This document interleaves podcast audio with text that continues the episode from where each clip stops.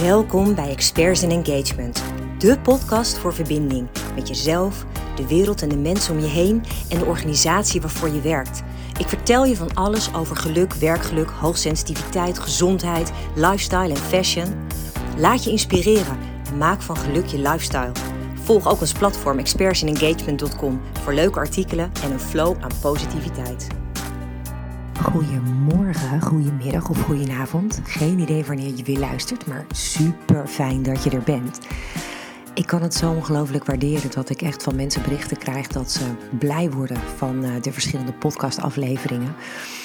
Um, ja, dat geeft mij dus ongelooflijk veel voldoening. Hè. Daar word ik dus echt super blij van. En um, ik kan eigenlijk alleen maar vooral vragen: als jij hier blij van wordt, als jij hier iets uithaalt, al is het nog zo klein, zou je dan alsjeblieft de podcast een recensie willen geven. Gewoon een aantal sterren. Het is gelukkig niet zo ingewikkeld. Um, maar op het moment dat we meer sterren krijgen, dan wordt die ook beter uh, verspreid onder allerlei mensen die misschien ook wel er blij van worden. Zou ik echt fantastisch vinden. Dus dank alvast als je dat wilt doen. En um, nou voor vandaag heb ik een wat luchtiger onderwerp op de agenda staan. Het is een onderwerp wat um, nou ja, eigenlijk best wel veel terugkomt ook in onze werkzaamheden als het gaat over het versterken van werkgeversmerken.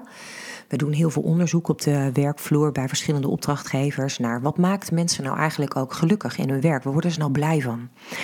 En een van de dingen die veel terugkomt, die veel genoemd wordt, is een fijne werkomgeving. En dat klinkt allemaal zo simpel. Maar dat blijkt in de praktijk dus nogal tegen te vallen. En als ik heel eerlijk ben, bij de gemiddelde opdrachtgever waar ik binnenkom, um, denk ik ook: wow, dit kan echt wel eventjes een stuk fijner qua sfeer. Nou ben ik zelf ook behoorlijk sfeergevoelig.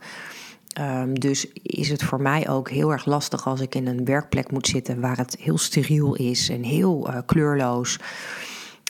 Dat, ja, op de ene manier inspireert me gewoon totaal niet. En ik dacht, het best wel een keer leuk om daar eens een keer opdrachtgevers en werkgevers in mee te nemen. Dus ik heb daar een uitgebreid blog over geschreven.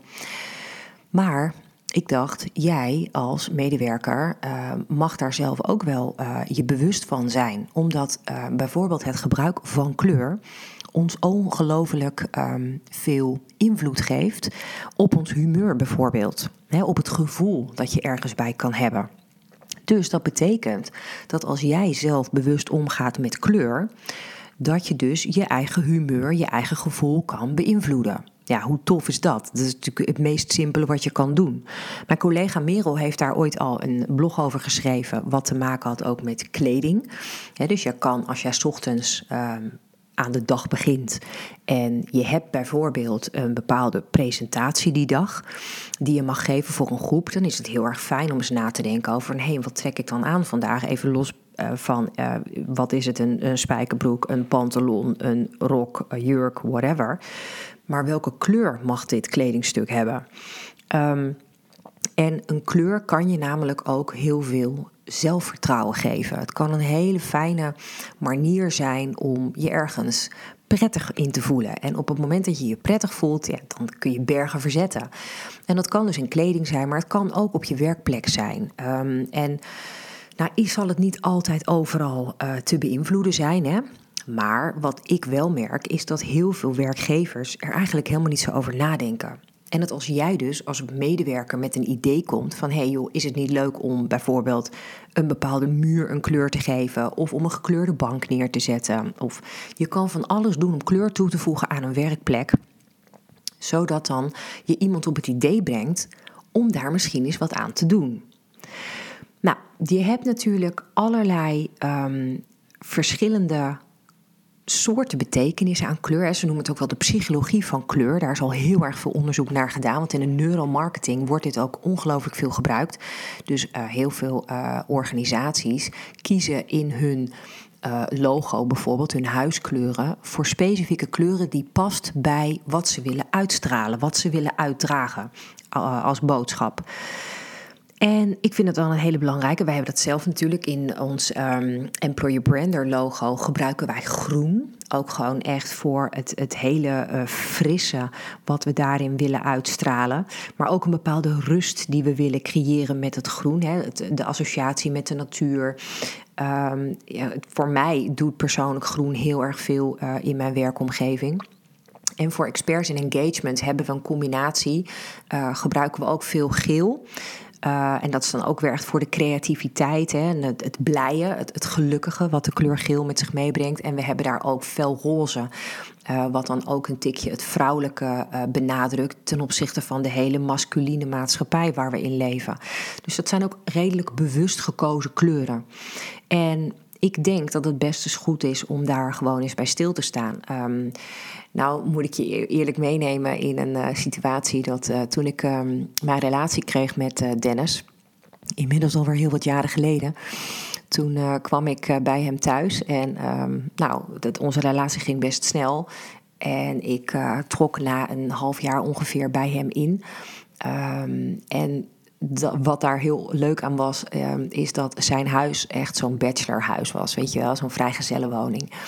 En nou ja, een van de dingen daarbij was dat hij in een van de grote muren in zijn woonkamer was redelijk donkerrood.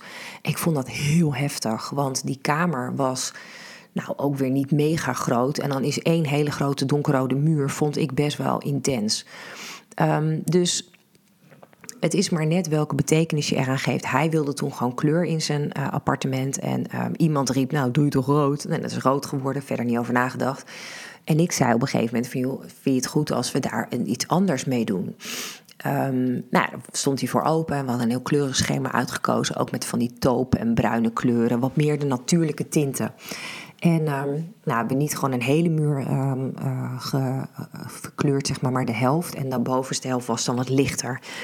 En op het moment dat we dat gedaan hadden, zei hij zelf ook van wow, dit is echt een hele andere uitstraling. Het geeft veel meer rust in huis. En dan, dan zie je dus wat dat voor je kan doen. En rood kan bijvoorbeeld een hele goede kleur zijn uh, in uh, een, een ruimte.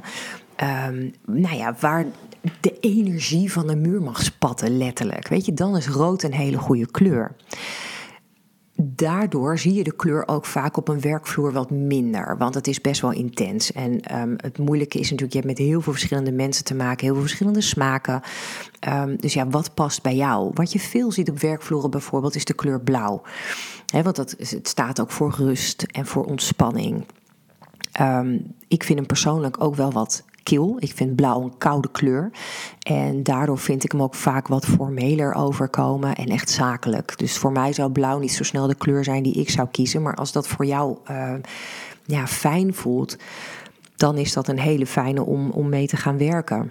Uh, nou ja, en dan kan je dus bijvoorbeeld inderdaad ook kiezen voor gele elementen of bijvoorbeeld voor groen.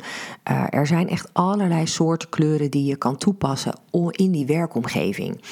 En het punt is wel, je kan doorslaan. Twee kanten op. Je kan of zeggen, het wordt een beetje een soort van onrustige omgeving met heel veel kleuren of met hele harde kleuren.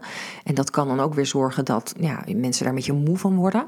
Maar het kan ook zijn dat je zegt, van, nou, ik kies voor een heel rustig kleurenpalet, waardoor het bijna saai wordt. En dat is natuurlijk op de werkvloer ook niet fijn, want dat kan ook weer heel erg tot verveling leiden of een gebrek aan motivatie. Dus dat zijn wel hele belangrijke dingen om over na te denken. Maar het het interessante is dus dat kleur um, ergens ons onderbewustzijn beïnvloedt. En dat kan ook komen dus door bijvoorbeeld um, ervaringen vanuit het verleden. Kleur kun je associëren met bepaalde ervaringen die je hebt gehad. En daardoor kan kleur ongelooflijk belangrijk zijn um, voor jou persoonlijk. En dat is ook een hele ingewikkelde, want kleur is ook ongelooflijk persoonlijk. Kleur kan bijvoorbeeld ook heel erg in een bepaalde cultuur bepaalde betekenissen hebben, waardoor dus iedereen ook weer anders naar zo'n kleur kijkt. Het doet iets anders voor je. Um, dus wat ik ook aan werkgevers zou aanraden, is op het moment dat je met kleur wil gaan spelen op de werkvloer, informeer dan eens bij de medewerkers welke kleuren aanspreken. dus wat legt bijvoorbeeld een aantal kleurschema's voor en kijk eens waar de meeste stemmen voor komen. En um, wat je dan ook kan doen, is dat je bijvoorbeeld kan zeggen van nou ja, we doen één, een overlegruimte bijvoorbeeld, doen we lekker pittig.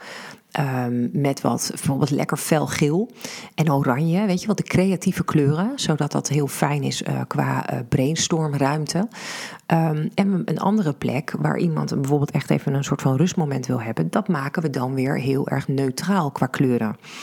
Ik denk dat dat wel een hele belangrijke is. Het grappige is namelijk dat je met kleur kan je wel heel erg je creativiteit stimuleren. En dus ook daarmee weer je productiviteit. Dus ik merk dat zelf ook. Hè. Ik heb bijvoorbeeld altijd heel veel planten om me heen nodig. Ehm, en of dat nou per se in het groen zit, ja, ik denk dat dat heel erg helpt.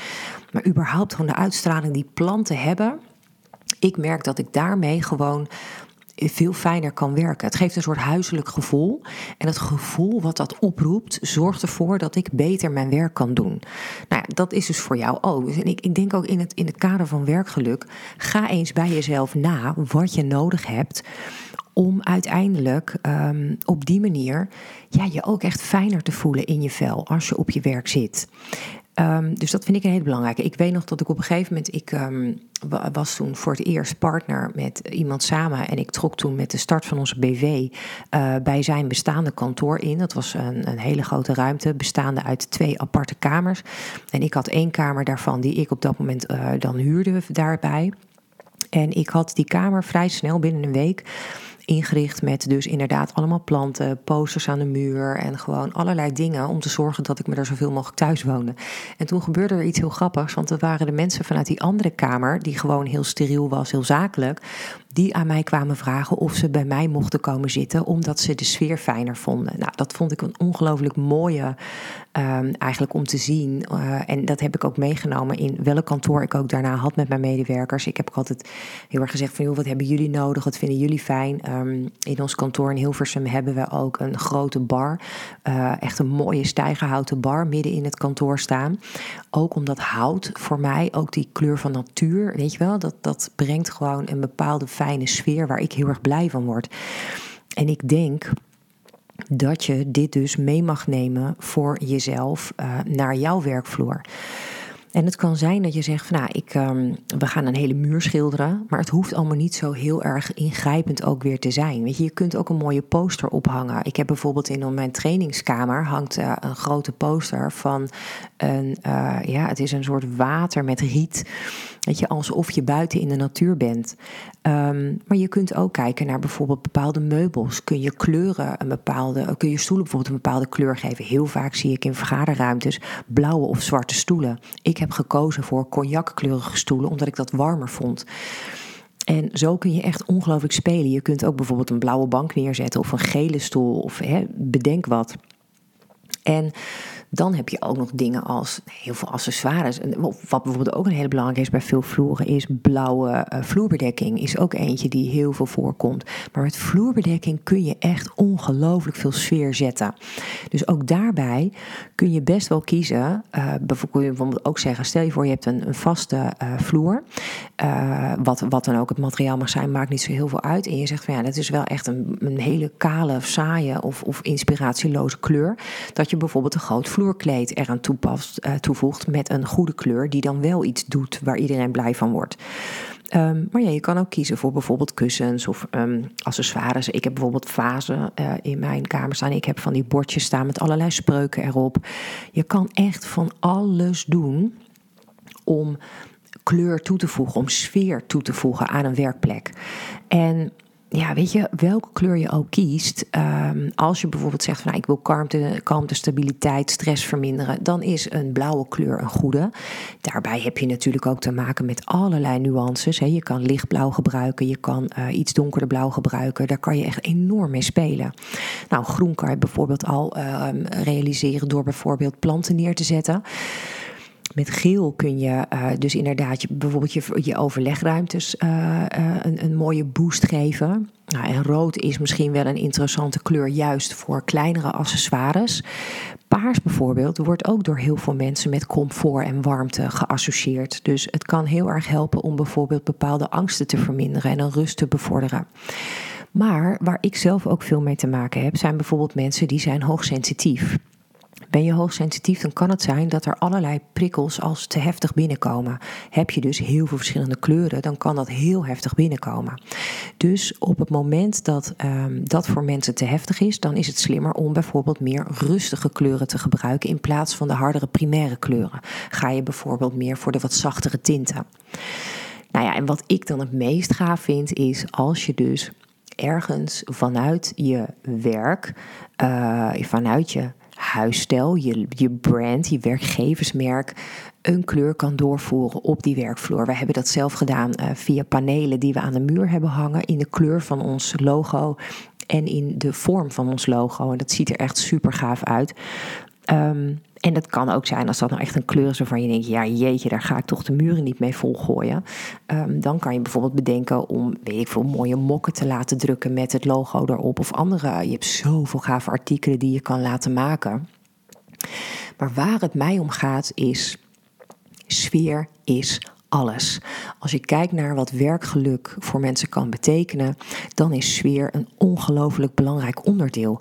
Want de plek waar jij mag presteren, de plek waar jij ehm, ja, ja, de hele dag mag doorbrengen en je werk mag doen, is natuurlijk alleen een fijne plek als je je er zoveel mogelijk thuis voelt.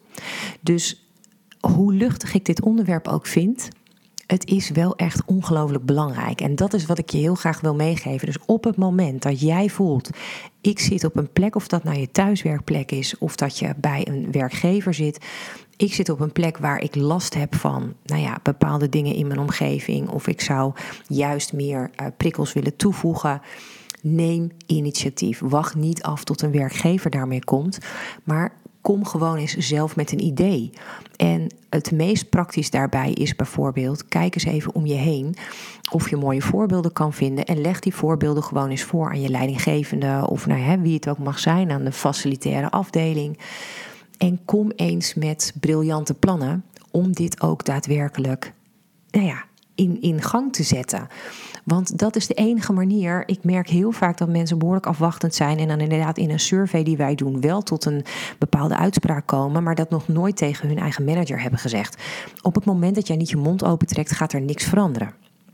Dus voel je hierin ook zelf verantwoordelijk. Kijk wat je zelf kan doen. Hè. Wat ik net ook al als voorbeeld gaf. Kijk naar bijvoorbeeld uh, je eigen kleding. Kijk ook naar eigen accessoires die je bij je hebt. Heb je elke dag een laptop bij je?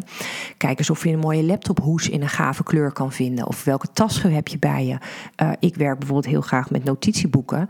Wat voor soort notitieboek heb je? Daar heb je tegenwoordig de meest fantastisch mooie uitgaven in. Maak het voor jezelf zo aantrekkelijk mogelijk, zodat je je zo lekker mogelijk voelt om je werk goed te kunnen doen. Dat is denk ik de belangrijkste boodschap van vandaag. Dus hij was eventjes op een iets ander vlak dan je normaal misschien eh, in deze podcast inmiddels gewend bent. Maar ik denk wel dat je hier misschien wel weer hele leuke dingen uit kan halen. En uh, nou ja, dankjewel in ieder geval dat je weer wilde luisteren. En ik wens je een hele fijne dag of een hele rustige, lekkere avond of een hele fijne nacht met goede slaap. Spreek je snel weer. Dank je wel voor het luisteren. Inspireert het je? Wil je dit dan alsjeblieft delen met de mensen om je heen? Of geef de podcast een beoordeling door gewoon simpelweg op de sterren te klikken. Zo bereik ik nog meer mensen en kan ik de wereld om ons heen wat lichter maken.